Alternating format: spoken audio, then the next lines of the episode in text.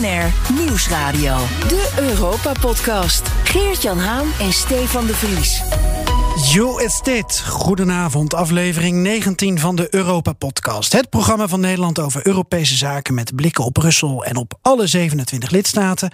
Ik ben Geert-Jan Haan en vanuit een uh, prikkelend en prikkend Parijs komt tot ons BNR's Eurocommissaris Stefan de Vries.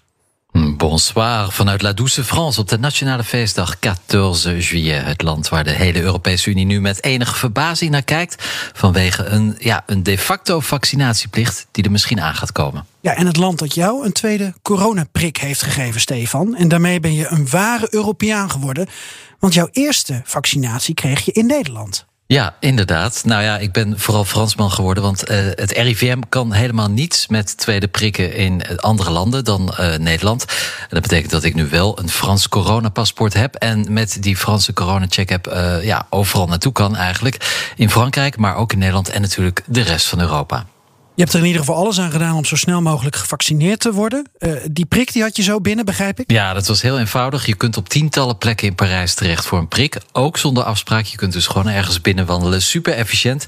En toch weigeren heel veel Fransen zich nog steeds uh, te laten vaccineren. Ja, dat zal niet tot tevredenheid van uh, Macron zijn.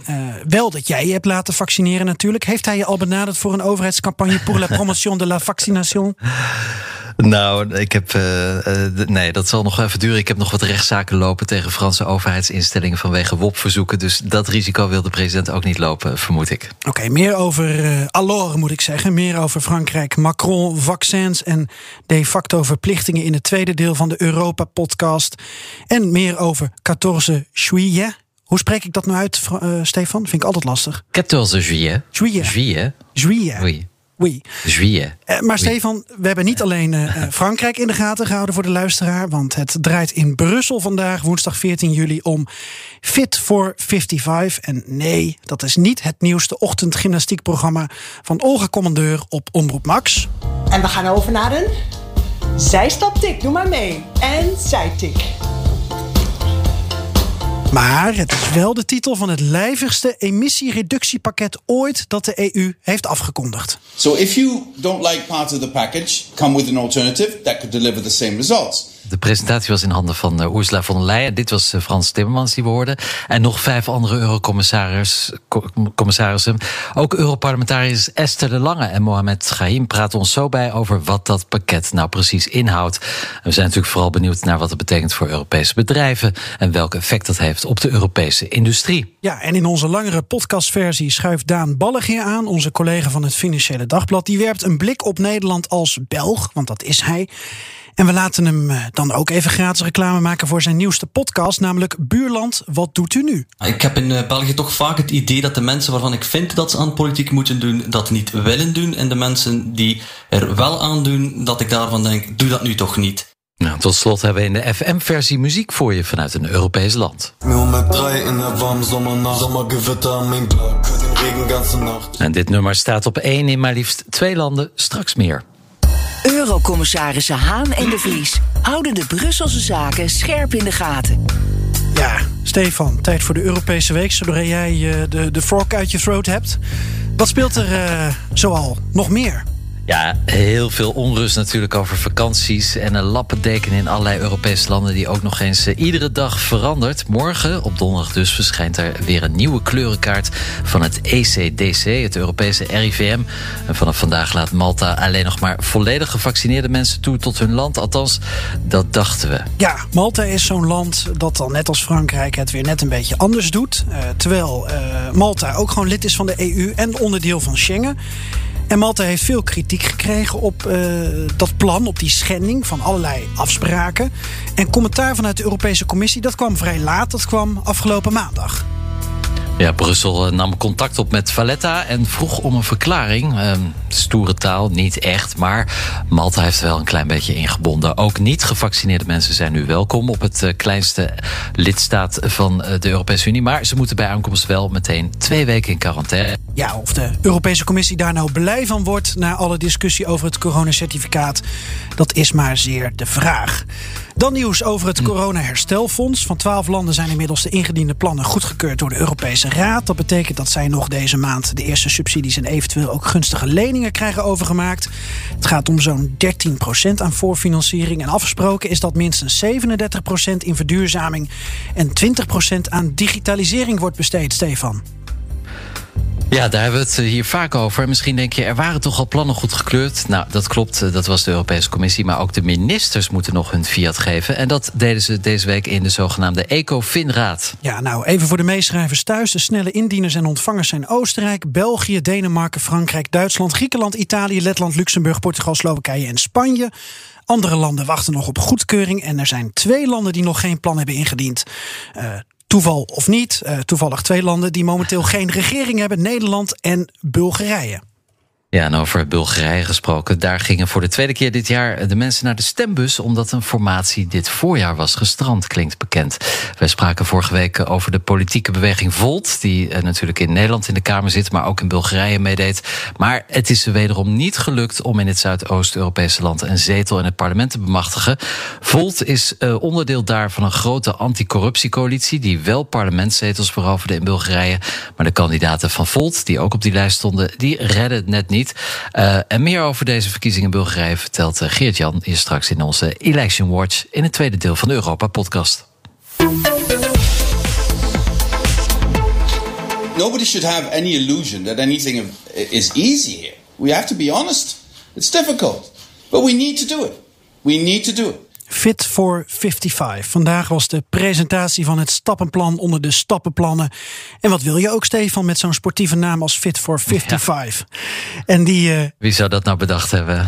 Ja. Iemand uh, die toch wel verstand heeft van marketing. Want we hebben het er de hele tijd over. We maken er grapjes over. Ik hoorde je vandaag ook op BNR over een app voor yogamoeders. Hey, die uh, 55 slaat op 55% minder CO2-uitstoot in 2030. Dat is al over 101 maand maanden, dan moet de uitstoot van broeikassen in en vanuit de Europese Unie 55% minder zijn dan in 1990. En dat percentage moet de aanzet zijn naar een klimaatneutrale Europese Unie in 2050. Dat is ook onlangs in een nieuwe Europese klimaatwet vastgelegd.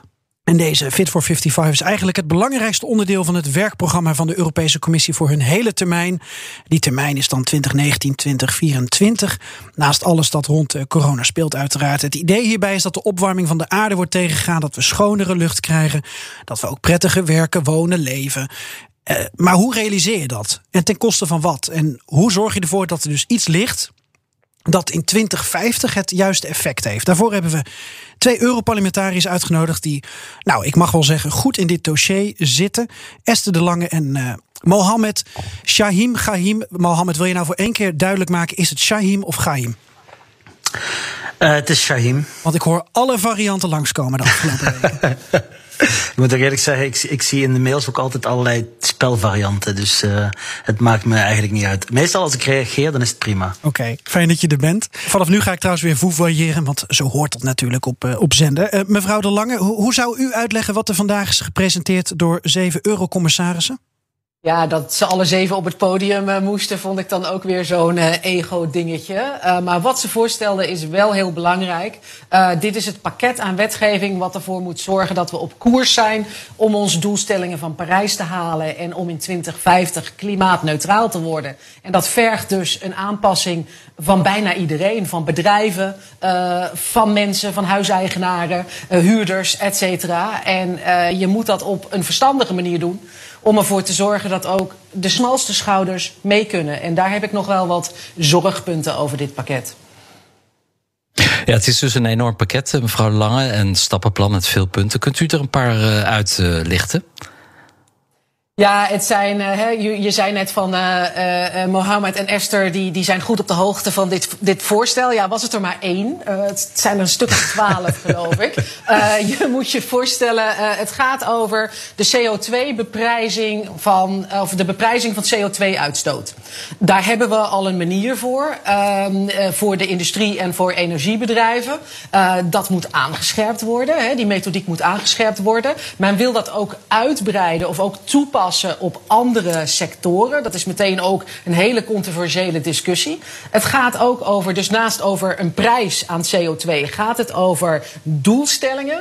En daarnaast gaat het over hele specifieke wetgeving, zeg maar bronbeleid. Bijvoorbeeld voor auto's. Hoe zorg je ervoor dat auto's minder uitstoten en eigenlijk al op redelijk snelle termijn. Iets wat voor een klein land als Nederland heel erg belangrijk is. Want uh, we zijn een klein lapje grond met veel industrie, maar ook veel mobiliteit. Dus dat die auto's schoner worden is voor ons heel belangrijk om die CO2-doelstelling te halen. En je merkt op dat dossier bijvoorbeeld dat de Fransen met een grote auto-industrie, de Duitsers met een grote auto-industrie, daar juist weer op de rem staan. Dus je gaat hier niet alleen politieke verschillen zien tussen politieke families. Maar ook nog eens binnen die fracties, op basis van uit welk land je komt, verschillende belangenafwegingen. Dus, dus ik denk dat Mohammed en ik de komende jaren nog wel uh, uh, bezig zijn hieraan en het bureau vol hebben liggen. Meneer Shahim, heeft u één punt, een ander punt dat u met mij zou kunnen ontleden? Ja, kijk, uiteindelijk gaat het om het totaalpakket. Hè? En we moeten ook een gebalanceerd totaalpakket hebben. En eigenlijk kun je alle maatregelen kun je onder drie noemers zetten. Eén gaat om beprijzing en belasten, zoals wat uh, Esther net zei over de emissiehandel. Het gaat om productstandaarden of normering, CO2-standaarden voor auto's bijvoorbeeld, maar ook doelen. Dus een doel, duurzame, hoeveel duurzame energie moet je, moeten we opwekken? Hoeveel, wat is de energieefficiëntie van onze, van onze woningen? Dus wat ik een hele interessante vind zelf, is die CO2-heffing aan de grens. Hè. Dus als wij onze industrie in Europa gaan belasten, hè, dan moeten wij een, een eerlijk speelveld creëren. Dat betekent dus dat als wij iets buiten Europa produceren, en dat willen ze in Europa importeren, dat we dat aan de grens moeten corrigeren. Zodat die industrie, als ze gaan vergroenen, niet oneerlijke concurrentie krijgen vanuit het buitenland. Ik vind die wel interessant, want dat is ook een van de weinige instrumenten die we hebben om de rest van de wereld mee te nemen. Want met dit plan gaan wij klimaatneutraal worden. Daar ben ik van overtuigd. Maar dat betekent, als wij dat als Europa alleen doen, dan halen we Parijs alsnog niet. Dus we moeten ook een instrument hebben om de rest van de wereld mee te inspireren. En als het, en als het moet, ook een stok achter de deur hebben. En dat ja. is dat CBAM. Als ik één voorbeeld eh, mag geven wat mij vandaag opviel, want het gaat echt over van alles en nog wat. Het gaat ook over bossen bijvoorbeeld.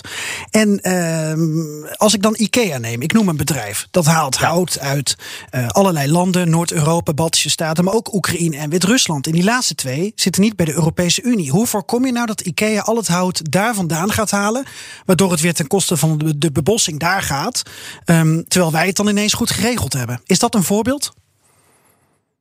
Ik, ik denk dat dat geen voorbeeld is voor dit nee. pakket. Uh, sorry, nee. uh, okay, uh, ja. dat is wel een heel goed voorbeeld.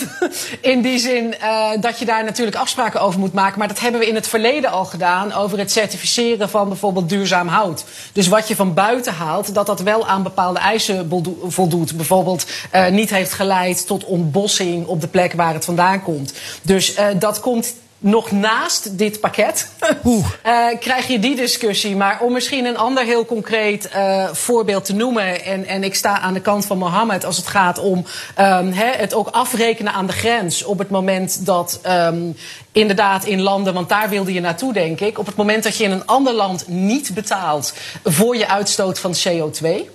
Uh, en dat wordt met name strakjes toegepast op grote sectoren zoals staal en cement. Uh, en je wilt vervolgens die producten naar Europa brengen, ja, dan hebben die een concurrentievoordeel. Het heeft gewoon minder gekost omdat je niet betaald hebt voor CO2. Daar moet je afrekenen aan de grens. Maar het gaat ook over zaken als uh, huizen, onze, onze appartementen en woningen, die stoten CO2 uit. Hoe zorg je ervoor dat dat in de toekomst minder wordt? En hoe doe je dat op zo'n manier uh, dat het niet contraproductief werkt? Hè? Ik, ik ben daar niet zo heel erg van. Uh, de dwangmiddelen. Uh, Timmermans gaf zelf het voorbeeld van uh, we willen niet de kant op om te zeggen voor het jaar X mag jij geen cv-ketel meer hebben. dat zou wel heel erg ver gaan. Dus wij zijn heel erg op zoek naar andere instrumenten, prijssignalen om ervoor te zorgen dat mensen uiteindelijk wel de duurzame keuze maken. Ja, meneer Scheem, laten we even inzoomen op Nederland. Uh, Nederland loopt achter, een van de smerigste jongetjes van de klas. Er zijn rechtszaken uh, van Urganda. Uh, wat, wat kan Nederland doen om, om die, ja, die, die achterlopersrol in te halen? Ja, kijk, ik denk dat er echt heel veel kansen zijn voor de Nederlandse industrie om te vergroenen. En ik denk dat daarin bijvoorbeeld waterstof een enorme rol kan spelen. Het is wel zo dat we, ik zie dat in de herstelplannen van Duitsland, België, Frankrijk en Spanje, zij enorm veel geld stoppen in die waterstofeconomie. Want ik hoop dat wij dat echt gaan zien als een kans en deze transitie niet alleen zien als bedreiging. We hebben het bijvoorbeeld over hè, die 75.000 FTE in de chemie sector. Die, sorry, 55.000 banen in de chemie sector. Daar kunnen nog 75.000 banen bij komen als we echt een waterstof waterstofeconomie kunnen, kunnen op, op, opzetten in Nederland. Waarbij we ook eigenlijk een, een soort van waterstofrotonde kunnen, kunnen zijn voor de rest van Europa. We hebben de kennis, we hebben de infra. Uh, dus die, die kansen zie ik echt voor Nederland liggen. Dus um, ja, zie dit als kans. Zie dit als kans om zeg maar echt komen tot systeemverandering. Dus niet alleen maar op de oude voet doorgaan, maar echt investeren in innovatie, zodat we straks gewoon die CO2-handel eh, helemaal niet meer nodig hebben. Uh, dat is echt de oproep die ik doe richting het kabinet. En die kansen en die oproep doet, het, doet de industrie zelf ook. Ja, mevrouw De Lange, wat als een land in 2030, dus al over 101 maanden, niet de 55% reductie heeft gehaald? Uh, zijn er dan sancties? Uh, kunnen we ingrijpen? Worden er überhaupt evaluaties gedaan tussen nu en 2030? Ja, één puntje nog over die infra die, die uh, Mohammed noemde. Nou, die hebben we nog niet helemaal. Dus daar zijn nog enorme investeringen in nodig. En dat wie er ook gaat formeren in Den, uh, in Den Haag, dat die daar echt naar moeten kijken. Ook op het gebied bijvoorbeeld van elektrische auto's. Dat lijkt me vrij, uh, vrij duidelijk. En uw vraag over wat if. Hè? Um, er is al een klimaatwet. Uh, de eerste ooit in Europa. Die is al aangenomen een maand geleden. En die is eigenlijk het kader waarbinnen we nu zaken verder gaan uitwerken. En in die klimaatwet staat wel degelijk dat in 2030 uh, er 55% netto minder CO2 uitgestoten moet worden. En dat we dus klimaatneutraal moeten zijn in 2050. Dus daarmee heb je wel al een flinke stok achter de deur. Ook om landen aan te spreken, uh, zelfs richting uh, een beetje dwang te gaan. Maar dat is nog niet genoeg. Je moet nu die algehele doelstelling gaan uitwerken in nog gedetailleerdere wetten. En als die er zijn, ja, en, en, en landen voldoen er echt moedwillig niet aan, uh, dan heb je de bekende systematiek. Hè? Dan kan er uiteindelijk naar het Hof gestapt worden. Maar ik hoop dat dat zowel binnen de Unie niet nodig is, als ook daarbuiten. Dat is natuurlijk het fijne van bijvoorbeeld zo'n zo'n grensheffing. Die kan twee dingen doen. Die kan ofwel afrekenen bij de grens, of het kan andere landen dwingen om zelf ook een prijs te gaan plakken op de uitstoot van CO2, waardoor er geen grensheffing meer nodig is. En dat zou wereldwijd natuurlijk het aller, allermooiste zijn, omdat we dan met z'n allen um, ja, de neuzen dezelfde kant op hebben en aan hetzelfde bezig zijn. Namelijk het realiseren van die doelstellingen van Parijs, die keihard nodig zijn, ook voor de volgende generaties. BNR Nieuwsradio, de Europa-podcast. Geert-Jan Haan en Stefan de Vries. People are most worried is this going to be fair? I think fairness is a crucial point here. The onus is on the Commission to prove that this leads to solidarity and to fairness in this transition. If we can prove that, I think the resistance will be less. If we fail to prove that, then I think the resistance will be massive. Tijd om even door te gaan op, op de weerstand. Het werd net al door jullie aangestipt. En dan wil ik even met jullie permissie de, de huishoudens links laten liggen en iets uitgebreider kijken naar de gevolgen voor de Europese industriepolitiek en, en voor bedrijven. Want even gechargeerd gezegd, hoe jaag je de bedrijven nu dan niet weg uit de EU, maar neem je ze voldoende mee in deze plannen? Want dat is toch de essentie van de, van de EU: dat je poldert, onderhandelt en uiteindelijk ergens uitkomt waar bijna iedereen op moet kunnen meeliften. Uh, uh, jij had het al even kort over dat dit een belangrijke beleidslijn van uh, Ursula von der Leyen en Frans Timmermans is. Kun je nog even samenvatten hoe dit dan top-down eruit ziet? Ja, toen de Europese Commissie aantrad in uh, 2019, uh, werden eigenlijk zes belangrijke beleidslijnen uh, gepresenteerd. er zijn natuurlijk ook andere zaken zoals de actualiteit, zoals Brexit, corona. Maar ziet het beleid van de Europese Commissie even als een soort kapstok met zes haken. En de Europese Green Deal van vandaag is één van die haakjes. Maar er zit ook digitalisering bij, versterking van de economie, versterking van de democratie. Maar goed, terug naar de Green Deal. Dat is eigenlijk een visie, een, een voorstel, een heel pakket met voorstellen. Um, dit fit for 55 pakket heet het dus. Uh, dat is de manier van het uitvoeren van een van die belangrijke onderdelen van de visie. Namelijk de uitstoot verminderen en uiteindelijk klimaatneutraal worden. Dat is ook iets wat we met z'n allen hebben afgesproken in 2015 in Parijs. Heeft iedereen ondertekend. Dus de Europese Commissie met haar programma, wat ze dus woensdag heeft gepresenteerd, ja, geeft nu eigenlijk richting aan onze ambities. Ja, Mohamed uh, Shahim, Europarlementariër voor de PvdA. Veel uh, reacties vandaag, ook veel kritiek. Uh, het voorstel wordt al een groene clusterbom genoemd. En iedereen lijkt er één element dan uit te pakken, terwijl het natuurlijk een groot pakket is. Wat is uw indruk? Staan bedrijven nou te trappelen om mee te doen, ja of nee? Nou, ik heb afgelopen week nog een uh, brief uh, samen met een aantal Europarlementariërs gestuurd aan 21 CEO's. Van Shell tot Vattenfall, van Volvo tot DSM. Die eigenlijk oproepen om, uh, het, om dit plan eigenlijk te presenteren en zo ambitieus mogelijk te zijn. Waar het om gaat is, als we niks doen, dan vrees ik dat we die mooie industrie die we hebben in Europa, de automobielindustrie, de chemieindustrie, als we echt niks doen, dan raken we die verloren. Als we echt die transitie, die systeemverandering met elkaar maken, dan, dan kunnen we die banen behouden kunnen we misschien zelfs die banen uitbreiden. dus willen we state of the art zijn, dan moeten we gaan vernieuwen. We kunnen niet oneindig doorgaan met de fossiele industrie. Er zijn nu technologische, zijn er substituten, alternatieven. Die zijn gewoon bewezen in de markt. Het is nog niet allemaal kostenefficiënt. Dus laten wij gewoon naast de industrie gaan staan. En samen die nieuwe groene industrie met elkaar gaan ontwikkelen. En dat is echt een kans die we met elkaar moeten grijpen. Um, en, en voor zover ik weet, de gesprekken die ik voer met allerlei uh, mensen uit het bedrijfsleven, zijn ze daar heel erg enthousiast over. Uh, mevrouw Lange, u pleit ook voor meer bescherming bieden aan Europese bedrijven. Uh, de Europese Commissie moet natuurlijk de interne markt bewaren en zorgen voor een eerlijk speelveld, zoals dat heet. Wordt dat met dit Fit for 55 pakket wel uh, gerealiseerd? Nou, dat denk ik wel. Want het alternatief is natuurlijk dat je uh, ja, dit allemaal door lidstaten zelf laat doen. Waardoor men eerder intern in de Unie elkaar gaat beconcurreren dan dat je aan het werken bent, ook aan een level playing field voor Europa ten opzichte van de rest van de wereld. Dat is één. Uh, twee, ik denk dat er wel meer voor nodig is uh, dan alleen dit enorme pakket aan wetgeving. Um, bijvoorbeeld de hele discussie over uh, staatssteun. Um, Chinese bedrijven die meedoen aan openbare aanbestedingen, die eigenlijk minder streng bekeken worden dan Europese bedrijven. Dat is heel vreemd.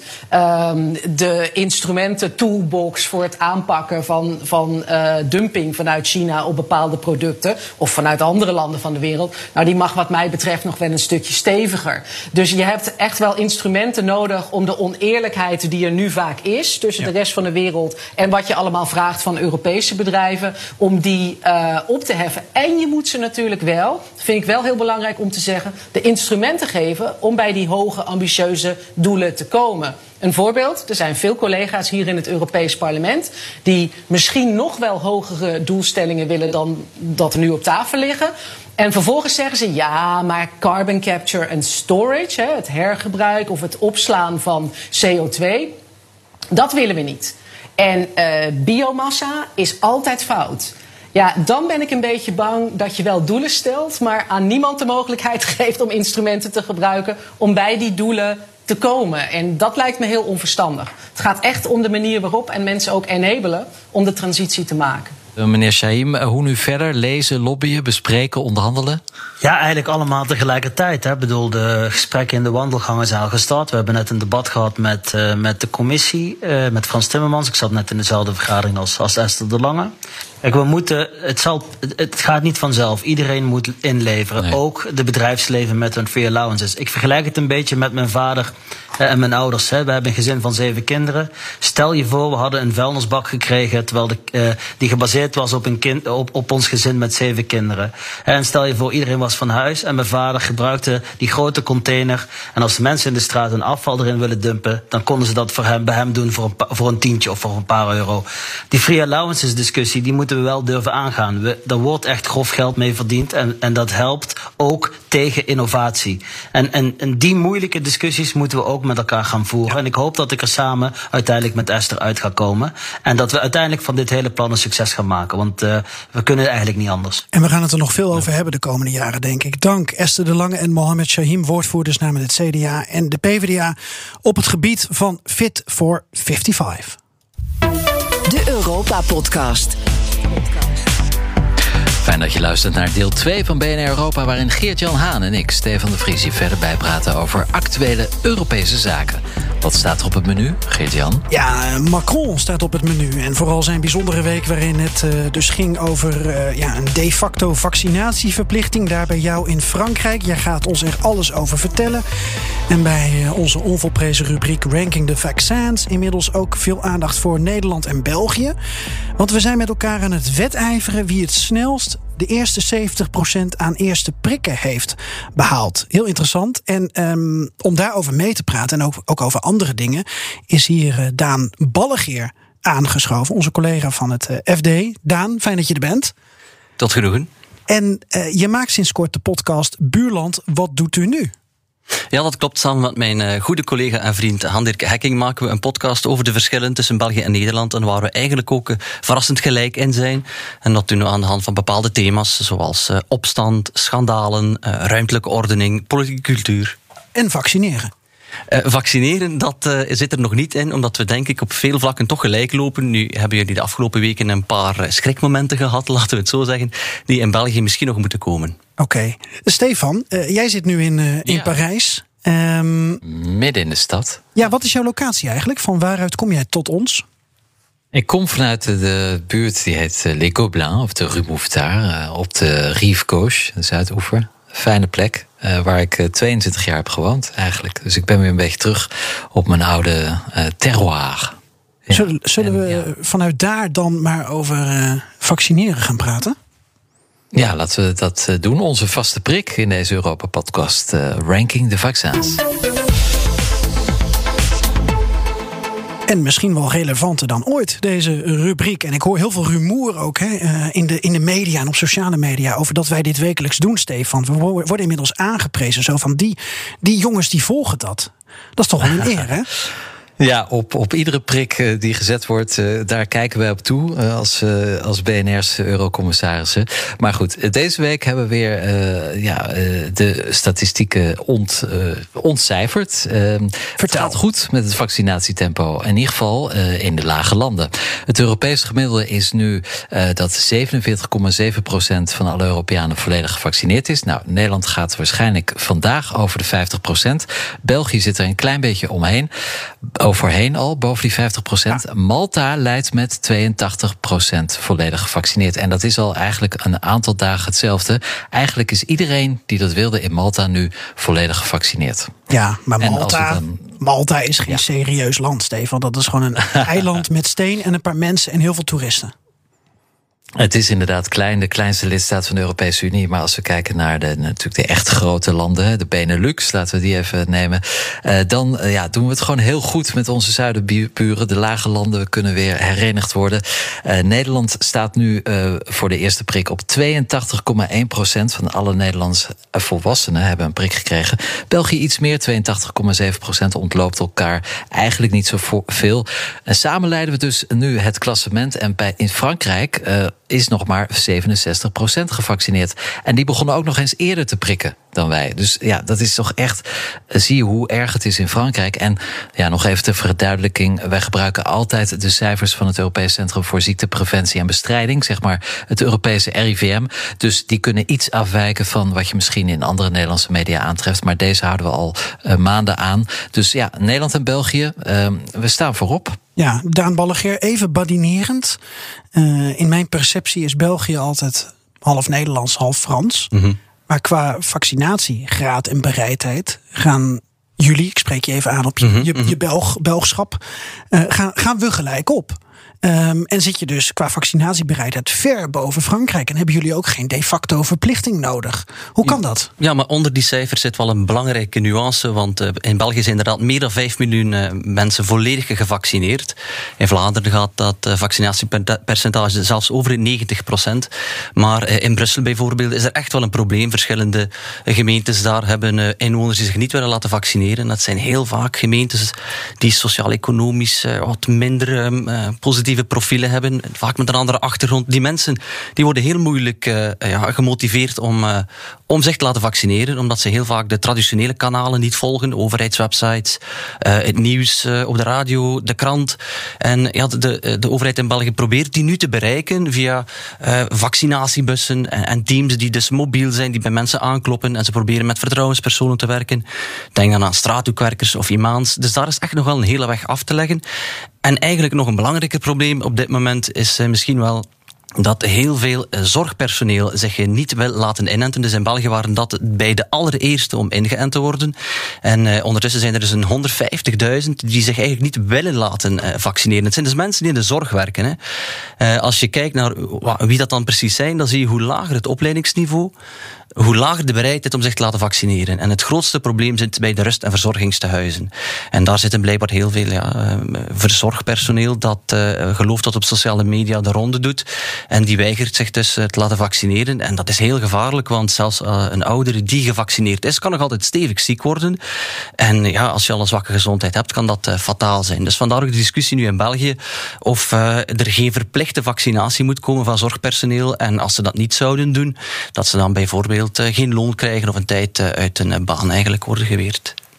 Ja, en wat Daan zegt, dat klopt inderdaad. Ik heb hier een kaart voor me van België met de gegevens. En je ziet echt een donkerblauwe lijn lopen. Uh, dus echt over de taalgrens. Uh, waarboven in heel veel gemeenten meer dan 90% van de mensen al gevaccineerd is. Minimaal één keer. Brussel is een witte vlek. Um, daar heb je buurten met nog maar 45% één dosis gekregen. En dan Wallonië. Ja, dat, dat is wel beter dan Frankrijk. Maar het zit echt tussen Frankrijk en Vlaanderen in. Met ongeveer 75%. Dus ja, je ziet ook echt op die kaarten, in die kleurtjes, zie je de politieke uh, verhoudingen in België. Heel fascinerend is dat eigenlijk. Ja, de uh, eurocommissaris voor uh, gezondheid, zij was volgens mij deze week ook in Molenbeek om te kijken hoe daar dan dus mensen gemobiliseerd worden. En het is wel interessant wat je zegt, Daan. Want ik denk dat uh, wat, wat nu in België gebeurt, dus alles uit de kast halen om die mm -hmm. vaccinatiebereidheid nog hoger te krijgen. Dat, dat is wat we in Nederland nog gaan doen, denk ik. Om die allerlaatste mensen over die drempel te helpen. Dus gaan wij dan toch die race tussen haakjes van jullie winnen? Het hangt er denk ik ook vanaf hoe groot de bevolking is die gelooft in complottheorieën. En daar heb ik toch sterk de indruk dat die in Nederland een stuk groter is dan in België. Eh, waar ik net sprak over die, eh, bijvoorbeeld Molenbeek en, en die buurten, dat zijn vaak mensen die dus niet goed geïnformeerd zijn. En daar is de heel vaak onwetendheid. Dus niet zozeer complotdenken, maar ja, ze hebben dingen gehoord. Uh, een van de belangrijkste argumenten waarom uh, een deel van het zorgpersoneel bijvoorbeeld zich ook niet wou laten vaccineren, maar wat dus zeker ook geldt voor die achtergestelde bevolking, was het gerucht dat dat uh, slecht is voor de vruchtbaarheid van mannen. En een collega van mij, Ria Katz, die was deze week op reportage geweest met die vaccinatiebus. En daar hadden ze dus inderdaad een hele groep mannen kunnen overtuigen om de dag erna zich te laten vaccineren. Maar de dag erna daagden ze niet op, want ze hadden dat thuis verteld aan hun vrouw. En hun vrouw had zoiets van, nee, nee, nee, nee, ik heb gehoord dat jij onvruchtbaar wordt, ik wil nog kinderen, jij moet thuis blijven. Dus het, om maar te wow. zeggen, er zit een hele ecosysteem rond van mensen die moeten maken dat die boodschap overkomt en, en dat ze daar vertrouwen in hebben. Ja, Stefan, uh, jij bent nu ja. Anderhalve week, twee weken weer terug in, uh, in Frankrijk. Ja. En je ja. hebt mij de afgelopen weken en de luisteraar veel verteld over vaccinatiebereidheid, over uh, ook wel over complottheorieën en over desinformatie. En, en, en daaraan gekoppeld dat er een plafond in Frankrijk was bereikt. Zullen we even naar Macron luisteren? Uh, want hij zei in november 2020 zei hij dit. Et je veux aussi ja. être clair, je ne rendrai pas la vaccination obligatoire. Maar het bekende liedje van ja. de poppies geldt niet voor Macron. Non, non, rien n'a changé, tout, tout l'a continué. Non. Pour nous protéger et pour notre unité, nous devons aller vers la vaccination de tous les Français. Wat gebeurt er in het Elysée? Vecht Macron tegen ja. desinformatie, wat uh, Daan ook schetst? Ja, nou ja, in november zegt Macron dus heel duidelijk: uh, nee, uh, er komt geen verplichte vaccinatie. En in juli, dus uh, ja, deze week, zegt Macron: misschien komt er wel verplichte vaccinatie. Nou, wat er gebeurd is, is dat plafond. Hè. We hebben het daar al een paar weken over gehad hier in deze Europa-podcast. net ook weer 67 procent heeft de eerste prik gekregen. Dat gaat eigenlijk niet meer omhoog de laatste twee weken. En dat betekent dat iedereen die een prik wil hebben, heeft die al gekregen. En, en die, de rest, ja, dus dus 23% wil dus niet. Nou, wat is er gebeurd? Um, Macron heeft een speech gehouden maandagavond en heeft gezegd: um, we gaan naar een verplichting toe voor het zorgpersoneel en iedereen die in contact is met zwakkeren. Dus bijvoorbeeld, ja, in Nederland zou je dat mantelzorgers noemen. Die moeten voor 15 september gevaccineerd zijn. En gebeurt dat niet, dan verliezen ze hun baan en hun salaris.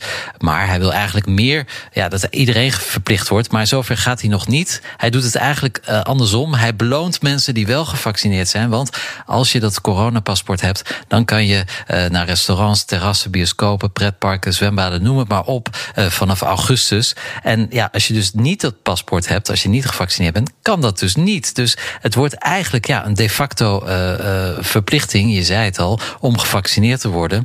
Um, omdat je anders niks meer kan. Nou, het is heel interessant dat de Fransen uh, eigenlijk heel slaaf zijn. Ze luisteren uh, gedwee naar hun leider. Dus ze, ze verzetten zich tegen een verplichting. Uh, willen zich niet laten inenten. En nu ineens zegt de grote leider: ja, maar als je je niet laat in, inenten, krijg je straf. Maar dit is toch dus... bijna pestgedrag? Ja, dat is ook pestgedrag. En, en gisteren dus, sinds gisteren staan er hele lange rijen voor de farmacies en andere plekken waar je kunt inenten. Ook zonder afspraak. Want nu gaan ze ineens wel. En op één dag waren er een miljoen afspraken gemaakt. Dus nu zit alles vol. Het is heel raar. Ze hebben dus ja. kennelijk een zweep nodig om te bewegen. Nou, ik weet ook waar Daan naartoe wil. En daarvoor start ik even uh, deze jingle in in het verlengde uh, van, uh, van onze krantenrubriek. Media Watch. Want ja, pestgedrag, Daan, doel je ook op dat Macron dit zo afkondigt? Wel, uh, ik doe er vooral op dat ik later deze week op vakantie ga naar Frankrijk. En ik gisteren te horen kreeg dat als ik daar binnen een week uh, op restaurant wil gaan zitten, uh, of als ik, naar, als ik naar een museum ga, excuseer, dan moet ik de dag ervoor nog een PCR-test laten doen. Dat is ook niet gratis. En als ik er lang genoeg blijf, ik denk vanaf 1 augustus, als ik in het weekend op restaurant wil gaan, moet ik ook een PCR-test halen. Dus dat, het, het gaat wel ver. Ja. Stefan, ja, zeker een, een, een, vernietigend stuk in Le Figaro. Um, als reactie op de plannen van Macron. En ik kon me er eigenlijk wel een beetje in vinden. Of ben ik dan nu een uh, extreemrechtse aanhanger? nou, de Figaro is een uh, behoorlijk rechtse krant. Maar ja, het stuk van uh, politicoloog Mathieu Slama, een, opinieartikel. Uh, daarin gaf hij veel kritiek op de voorstellen van Macron. Slama beschrijft een ethische, wettelijke en democratische aberratie. dus hij kritiseert het heel erg. En hij heeft inderdaad wel een punt, want het is natuurlijk een glijdende schaal. Um, uh, ja, als je uh, mensen gaat verplichten om te vaccineren, dan, dan tast je natuurlijk uh, het menselijk lichaam aan. De, de, staat bepaalt dan eigenlijk wat je met je lichaam kunt doen. dat dat, dat ja, is, is ethisch misschien een probleem. Um, ook de staat kan, kan controleren. Er was nog zo gezegd dat het coronapaspoort niet zou gelden voor andere dingen dan alleen maar reizen binnen Europa. En nu wordt het dus eigenlijk een soort pasje uh, waarmee je uh, je leven kan leiden. En dat leidt misschien tot een tweestelling in de uh, Franse maatschappij, die, waar de sociale tegenstellingen al heel groot zijn. Dus het, het, heeft heel veel gevaren. Um, maar ja, misschien komt het niet zo ver. Misschien zijn de Fransen nu echt goed bang geworden. En ja. Ze staan nu in de rij voor een prik. Dus wellicht over twee weken is de situatie anders. En is zo'n verplichting niet nodig. Maar ja, het, het toont wel aan hoe ja, behoorlijk kinderachtig eigenlijk toch de Franse maatschappij is. Uh, dat, je, dat je een dreiging nodig hebt om, om, om mee te doen aan de maatschappij. Dus um, uh, veel kritiek uh, uit allerlei hoeken overigens. Ook uit de hoeken van mensenrechten specialisten, um, grondwet specialisten. Um, of het zover komt, dat, dat zullen we zien. Ja. Het wetsvoorstel is nog niet gemaakt. Dat weten we begin augustus. En dan weten we ook of Daan inderdaad uh, om de dag een test moet uh, maar, gaan doen om een uh, Picard, een Ricard of een Pernod te drinken op zijn terras. Er komen mensen hier niet voor op straat, want we weten van Frankrijk dat ze daar voor een scheet in een fles op straat komen. Staken zit gewoon in het DNA. Het is een soort Hoe zeg je dat? Een scheet in een fles? Ja, ja, dat had allemaal niet veel inhoud. en, en, de kleinste aanleiding is genoeg om Frans en kwaad te krijgen. En dan gaat het heel vaak ook over de grote idealen. En dan kan je de vraag stellen of zelfs mensen die voorstander zijn van vaccineren zich niet de vraag stellen of een overheid hier niet voorbij de grenzen gaat van wat in die grondwet vast ligt. Ja, zeker. Nou ja, vandaag woensdag dat we dit uh, opnemen is het 14 juillet. In verschillende steden is er vandaag geprotesteerd. En ironisch genoeg ook, uh, op dit moment zijn er demonstraties bij de Bastille, hè, waar het allemaal begon in ah. 1789. Uh, en daar is al met traangas geschoten. dus dat zijn weer ouderwetse beelden. Ik weet niet of de groep tegenstanders heel erg groot is. Ik, ik denk dat de meeste Fransen toch wel dit beleid steunen. Um, maar inderdaad, ja, als je dingen gaat verplichten, dan riskeer je uh, opstand, demonstraties, onvrede. En eigenlijk, ja, wat hieronder zit, um, is, is niet zozeer het feit dat mensen zich niet willen laten vaccineren vanwege complottheorieën of, of waarom. Maar het diep gewortelde wantrouwen in de staat en allerlei andere instituten in Frankrijk. En als je dit soort verplichtingen gaat opleggen, dan ja, vergroot je dat wantrouwen alleen maar meer en ben je nog verder van huis. Maar goed, uh, het is een, een lastig dilemma natuurlijk waar je in zit. In ieder geval zullen we de komende weken weten welke kant het op gaat. Ja, ik zou zeggen, contre nous de la tyrannie.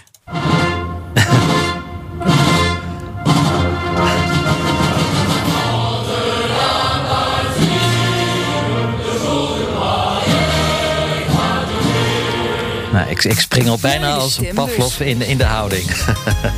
Ik dacht, hiermee ronden we hem even af. Met deze opstand. Ja, heel mooi. Ik, ik sprong als een Pavlov-reactie in de houding. hey, uh, ja. Election Watch. We gaan naar de stembus. Eventjes weg van dat Frankrijk van jou.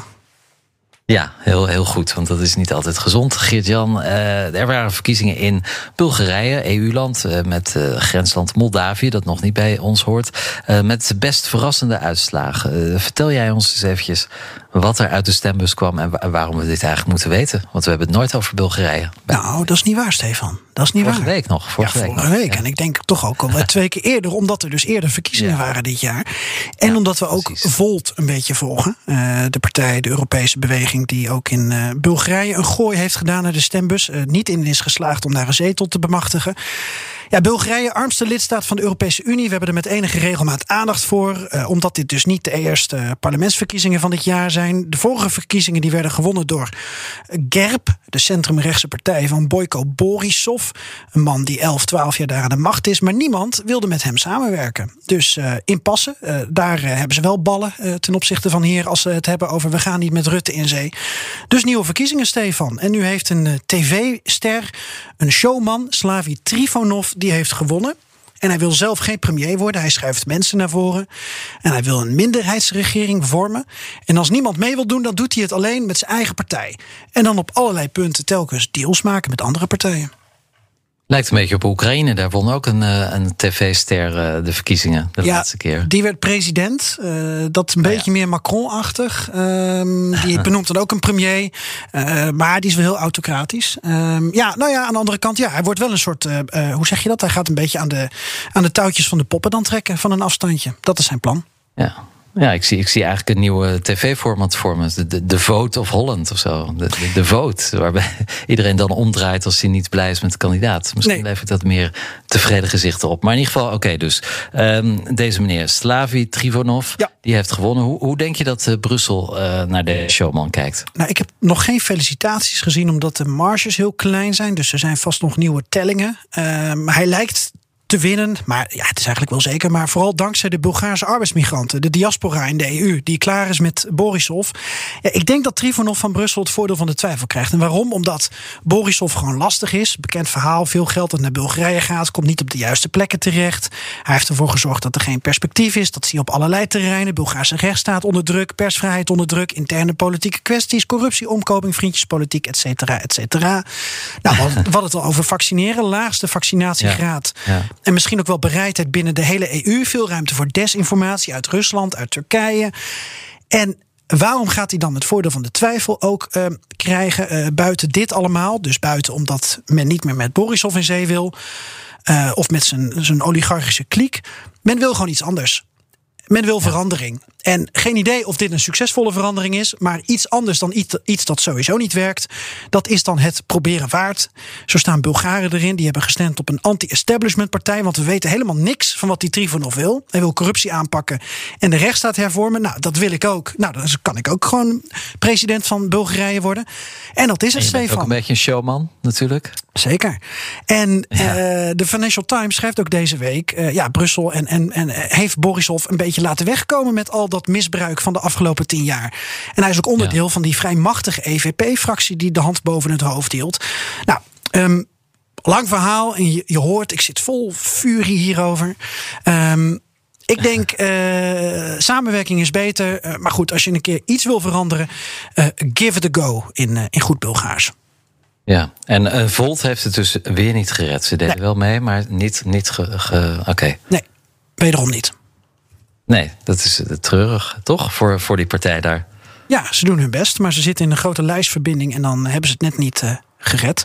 Ik zie Daan heel ja. aandachtig naar mijn luisteren. En ik weet dat hij ook, ook heeft gestudeerd op Bulgarije voorafgaand aan deze uitzending. Heb jij een, een kijk op de zaak, uh, Daan? Ik vraag me altijd af, als ik dit soort verhalen hoor, waarom het uh, heel vaak, in Polen nu niet, maar in Italië hebben we Beppe Grillo gehad, waarom dat vaak comedians zijn die, die een gooi doen naar het hoogste ambt. Het is het meest ernstige beroep dat je je kan inbeelden in een land. En dan gaat iemand die uh, grappen maakt voor zijn, uh, voor zijn inkomen, gaat daar dan een gooi naar doen. Net zoals Zelensky in de Oekraïne. Succesvol. Ja, ja omdat, omdat iemand bekend is. En vaak zit er ook wel geld achter. In het geval van Zelensky zit daar een hele grote oligarch achter. Die hem financieel steunt. Met het idee van, hé, hey, dan heb ik met mijn netwerk de macht. Snap je? En dan is Zelensky een soort stroomman.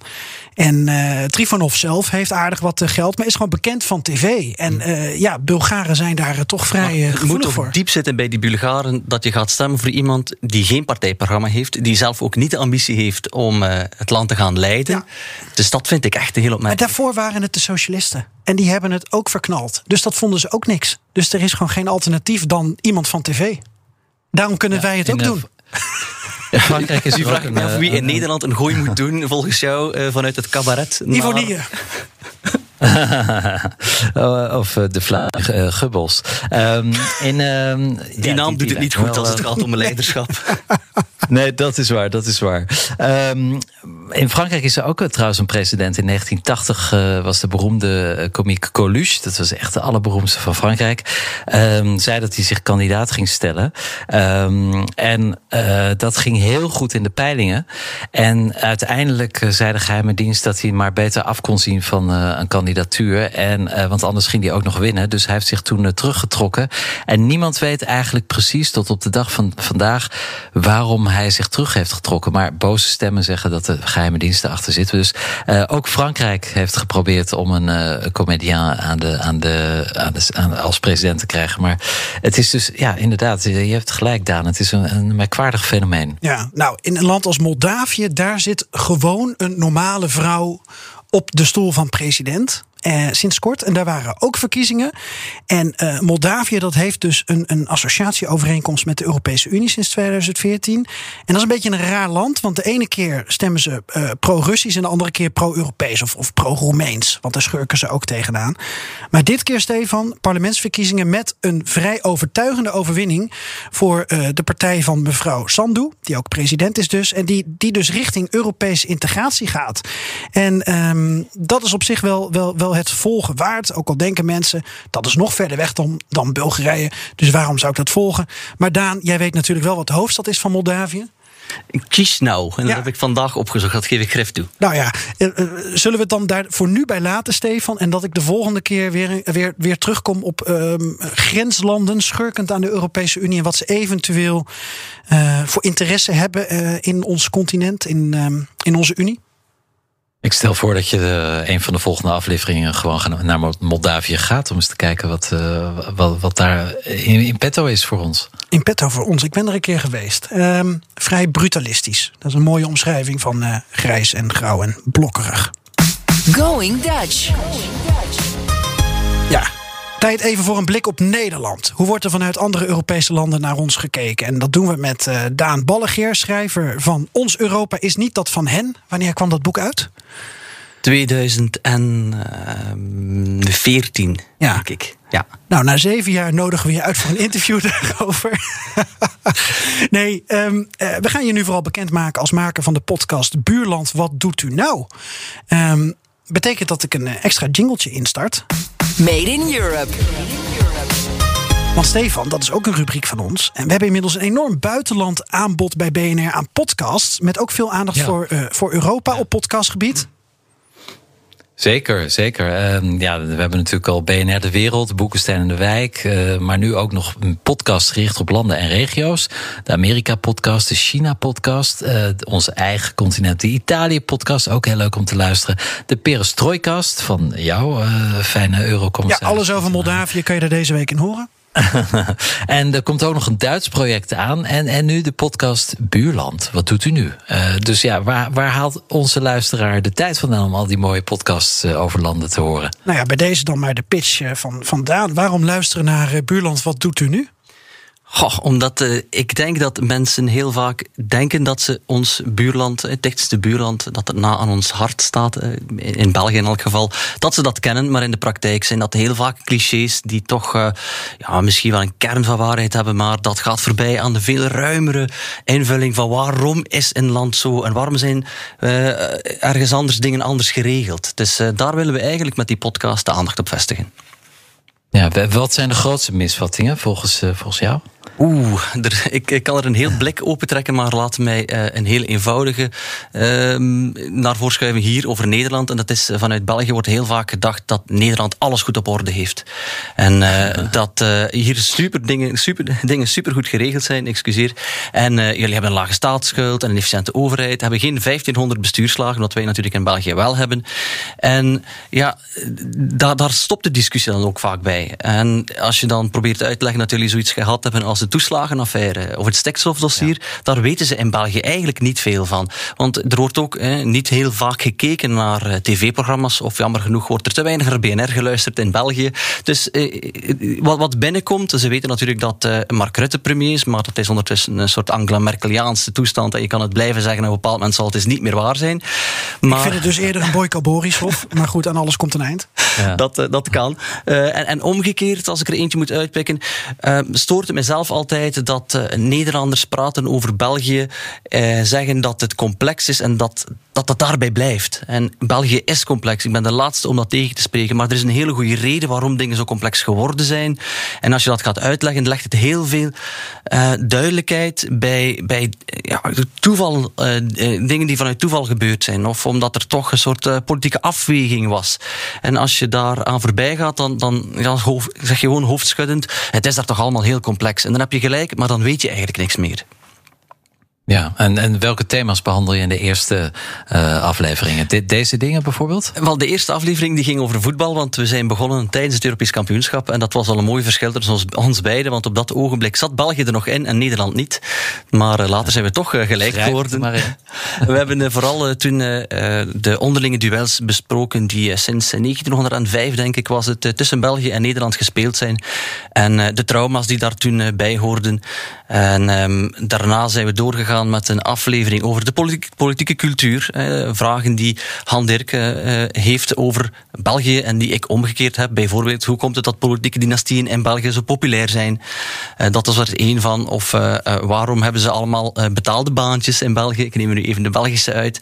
En omgekeerd gaat het dan ook over. Um, waarom in, in Nederland die bestuurscultuur zo anders is. Hè? Waarom de afstand tussen politici en de pers in Nederland uitzonderlijk groot is. Het duurt je soms maanden voor je een politicus te spreken krijgt. Terwijl in België, als ik uh, op uh, dinsdagochtend uh, een berichtje krijg van een minister die mijzelf bericht om te zeggen: Heb je gezien dat ik een persbericht heb uitgestuurd? Ik ben de hele dag bereikbaar als je vragen hebt. En dan stuur je donderdag een bericht van: We zouden graag zaterdag in de krant een interview met u hebben. Dan zit je daar bij zo spreken in de namiddag. En hier in Nederland Nederland, als je een, een aanvraag wil voor een, voor een interview, dan moet je 1500 woordvoerders langs. En dat is ook omdat de woordvoerders hier in Nederland een soort ja, ambtelijke functie hebben en eigenlijk meer motivatie hebben om de minister uit de wind te houden. Terwijl in België de woordvoerder van een minister eigenlijk zijn persoonlijke medewerker is. En die wil niets liever dan dat die minister de hele dag in de krant staat. Dus die doet er ook alles aan om die erin te krijgen. En toen ik naar hier kwam, was een heel opmerkelijk verschil. Als ik toen ook aan de collega's uitlegde hoe anders die, die verhoudingen zijn met politici. Zeg Daan, waar ik ook benieuwd naar ben, je hebt het over, over, over ministers. Uh, jullie hebben een minister, um, dat is de Hugo de Jonge van, van, van België, uh, de heer Van den Broek, Van den Broeke. Frank van den Broek. Ik verwar hem altijd met de wielrenner van Weleer. Want dat was ook Frank van den Broeke. Dezelfde naam, exact hetzelfde geschreven, ja. Ja, en hij zei deze week: Ik wil het Nederlandse yo-yo-beleid niet. En daarmee reageerde hij op hoe in Nederland uh, de coronabesmettingscijfers omhoog zijn gegaan, omdat er bepaalde regels zijn versoepeld.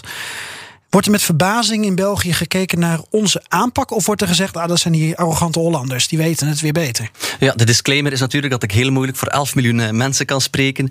Maar ik denk dat de aanname al, al verkeerd is. Uh, of dat er in België gesproken wordt over Nederland. Want België bestaat natuurlijk uit verschillende delen. En Franstalig België en Wallonië, daar kijken ze helemaal niet naar Nederland. Daar is er de, de Anschluss-gedachte bij, zo spreken, met, met Frankrijk. Ze volgen daar wat in. Dat is hun referentiepunt. Nederland, dat, dat raakt ze zo niet.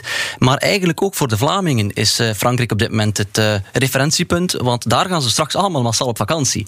Dus ze willen volgen wat er daar gebeurt, welke maatregelen er zijn. Maar ja, hoeveel Belgen of Vlamingen gaan nu echt op vakantie naar Nederland? Dat is eigenlijk maar een kleine groep. Ja. Maar, ja. nog, Stefan? Ja.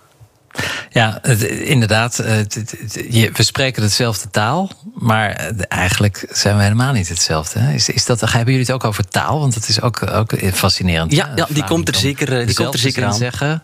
Ja, en, en dan wordt er iets anders bedoeld. Als een, een Vlaming zegt ja, dan betekent het geen Nederlandse ja. En als een Nederlander zegt nee, is het geen Vlaamse nee. Nee, dat klopt, zeker, zeker. En er zijn ook woorden die gewoon exact hetzelfde zijn, maar een andere invulling krijgen. Bezuinigingen is er eentje van. Hier in Nederland scoor je daar stemmen mee als je als politicus zegt dat je gaat bezuinigen. In België jagen ze de tent uit. Daar is het echt een taboe om daarmee uit te pakken dat je wil gaan besparen. Wat is het Belgische woord voor bezuinigen? Het Vlaamse woord? Mensen geld afpakken. maar ik, ik, wil nog eens terugkomen op wat je daarnet zei. Hè. Er is in België in elk geval geen leedvermaak. Want dit is uh, ja, een coronacrisis die iedereen hard raakt. Het gaat om mensen, het gaat om uh, zieken en doden. Dus uh, dat, dat zeker niet. Maar als ik toch eens mijn oor te luisteren leg bij vrienden en familie van wat, wat vinden jullie nu, wat er in Nederland gebeurt, dan, dan raken ze ook niet veel verder. Maar het is toch een belangrijk punt dat ze de indruk hebben dat het hier allemaal toch wel heel snel gegaan is. En dat er geen overgangsperiode was. Het ging niet van we gaan nog dingen versoepelen en uh, dan zullen we zien hoe we dingen verder uh, openen. Het was opeens van dag 1 op dag 2 dat uh, de boodschap was: alles kan nu. En als België en Amsterdam vond ik dat ook heel raar dat Paradiso op de eerste avond bakje vol, 1500 mensen, feesten alsof er niks gebeurd is. Dan vraag je toch om problemen.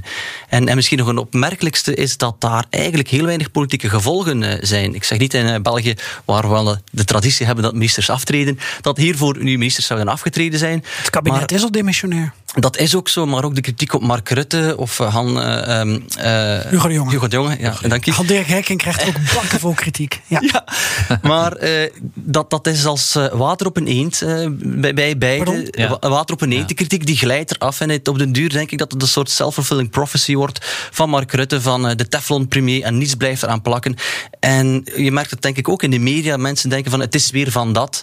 En daarmee eindigt het. En dat vind ik een hele vreemde, ja. Ja, hele vreemde Wanneer komt die aflevering over taal? Want je hebt al gezegd met een fles en een scheet. Je hebt gezegd water op een eend. Dit zijn allemaal dingen die uit mijn stukken verwijderd worden en vervangen door Nederlandse uitdrukkingen. Want heel vaak weet ik niet eens, en dat is echt waar, weet ik niet of dat een uitdrukking nu Vlaams of, uh, of Nederlands is. En er is blijkbaar een apart woordenboek en dat, daar staat dan uh, tussen haakjes bij Vlaams. En in dit geval mag dat dan niet voor het FD. Dat vervangen ze liefst door een uh, Nederlandse uitdrukking. Oké, nou, bij mij, hier in de studio mogen voor mij wel een paar tegeltjes hoor. En dan, dan, dan maken we het gewoon salonveeg voor de Nederlandse taal. Ja, ik denk dat het uh, Financieel Dagblad ook wel wat rijker wordt als er Vlaamse uitdrukkingen nou ja, in staan. Financiële Dagblad is nog steeds met twee E's, toch? Ja, ja, zeker. We doen nog aan de oud-Nederlandse spelling. Dus, uh, nou ja. Hey, wanneer en, en waar kunnen we de podcast beluisteren? Nou, waar, dat weet ik wel een beetje. Maar wat is jullie frequentie van verschijnen? We komen elke week uit op donderdag. En uh, dus uh, we zijn woensdag vandaag. Morgen komt de derde aflevering uit. En die gaat over ruimte. De, niet, niet de ruimte boven ons, hè, maar wel de ruimte die we zien als we door het landschap rijden. En dus de ruimtelijke ordening. Waarom zijn in België de huizen echt als een soort Lego-blokken uit het, over het landschap uitgestrooid? Waarom? En hebben jullie in Nederland een soort uh, ja, militaristische of militante bouwstijl waarbij heel veel dingen op elkaar moeten lijken. Maar dat en... asfalt aan, dat asfalt. Ik voel het gelijk als ik in België ben. Dat is echt, er kan geen Nederlander iets zeggen over Belgische wegen of over uh, door België rijden en zonder te zeggen dat er heel veel putten in liggen. Dat geeft de indruk dat wij allemaal met tractoren moeten rondrijden daar om van plaats A naar plaats B te gaan. Maar, uh, maar er zijn twee redenen waarom ik over Belgisch asfalt rijd. Eén, dat is om naar Frankrijk te gaan. En om je vering te testen. En om goedkoop te tanken. maar dan moet je eigenlijk stoppen in Luxemburg. En uh, dat is al niet meer België. Dat is waar. Maar ja, dan moet ik weer door België terug. Benelux. Ja, alle, ja. alle mensen werden brüder. Nou, we, we kunnen nu heel veel flauwe grappen maken. Ik heb grote sympathie voor België en voor de Belgen. Eh, alleen het Belgische asfalt. Ja, is inmiddels ook cultureel erfgoed. Misschien wel. Zo zouden we het ook kunnen omschrijven. Zeker. Ja. Daan Ballegeer, dankjewel voor je komst naar de studio. Eh, buurland, wat doet u nu? Ik zei één keer Buurland, wat doet u nou? Dat is natuurlijk verkeerd. Dus Buurland, wat doet u nu? Te luisteren via de, de BNR-podcast-apps. Hij staat ook gewoon, denk ik, op Spotify en, eh, en Apple. En ook via het FD is hij te beluisteren. Dus jullie zijn eh, vertegenwoordigd op alle grote kanalen. Ja, en nu maar hopen dat mensen luisteren, want het is toch de bedoeling dat we elkaar wat beter leren kennen en dus voorbij de clichés raken. Dank. Ook in Vlaanderen dan natuurlijk moeten ze luisteren. Ik hoop dat eh, iemand het daar oppikt, ja. De nummer 1 in... Ja, tijd voor een hit du moment. Zullen we maar gelijk erin gooien, Geert-Jan? Ganze Nacht. Ich will Butterfly Dance und denk Panorama-Dach. Meine Gegend, meine Stadt, Ja, dit is eh, deze week de nummer 1 in Duitsland en in Oostenrijk. Sommerkavita, zomeronweer. Ik vond dat het wel goed paste bij deze regenachtige dagen, Geert-Jan. Gezongen door uh, Pashanim, een, een Duitse rapper. Ja, heel populair dus bij onze oosterburen. Die kun je misschien horen als je naar Duitsland met vakantie kan. Wie weet of dat nog kan, weten we ook de komende dagen. Uh, dus dit is nummer 1 bij, uh, in Duitsland en in Oostenrijk. Ik vind het nogal een overgang naar zo'n inhoudelijk gesprek. Al deze Eurotrash muziek vind je terug in een eigen playlist op Spotify. Even zoeken op BNR Europa nummer 1 en de link staat ook in de show notes. Nou, dank voor het luisteren. Uh, dit was de Europa-podcast van BNR. Een langere versie van onze wekelijkse FM-uitzending. Ja, elke woensdagavond uh, is die FM-uitzending tussen 7 en half 8 op BNR. Of dus, zoals je nu hebt gedaan, kun je hem beluisteren als podcast. Uh, te vinden in je favoriete podcastplayer. Net als de podcast van Daan. En je kunt je op ons abonneren. Dan kan je sterren geven en reacties achterlaten. Doe dat. Vinden wij leuk, ook als je ons niet leuk vindt. Volgende week dan zijn we er weer. À la prochaine.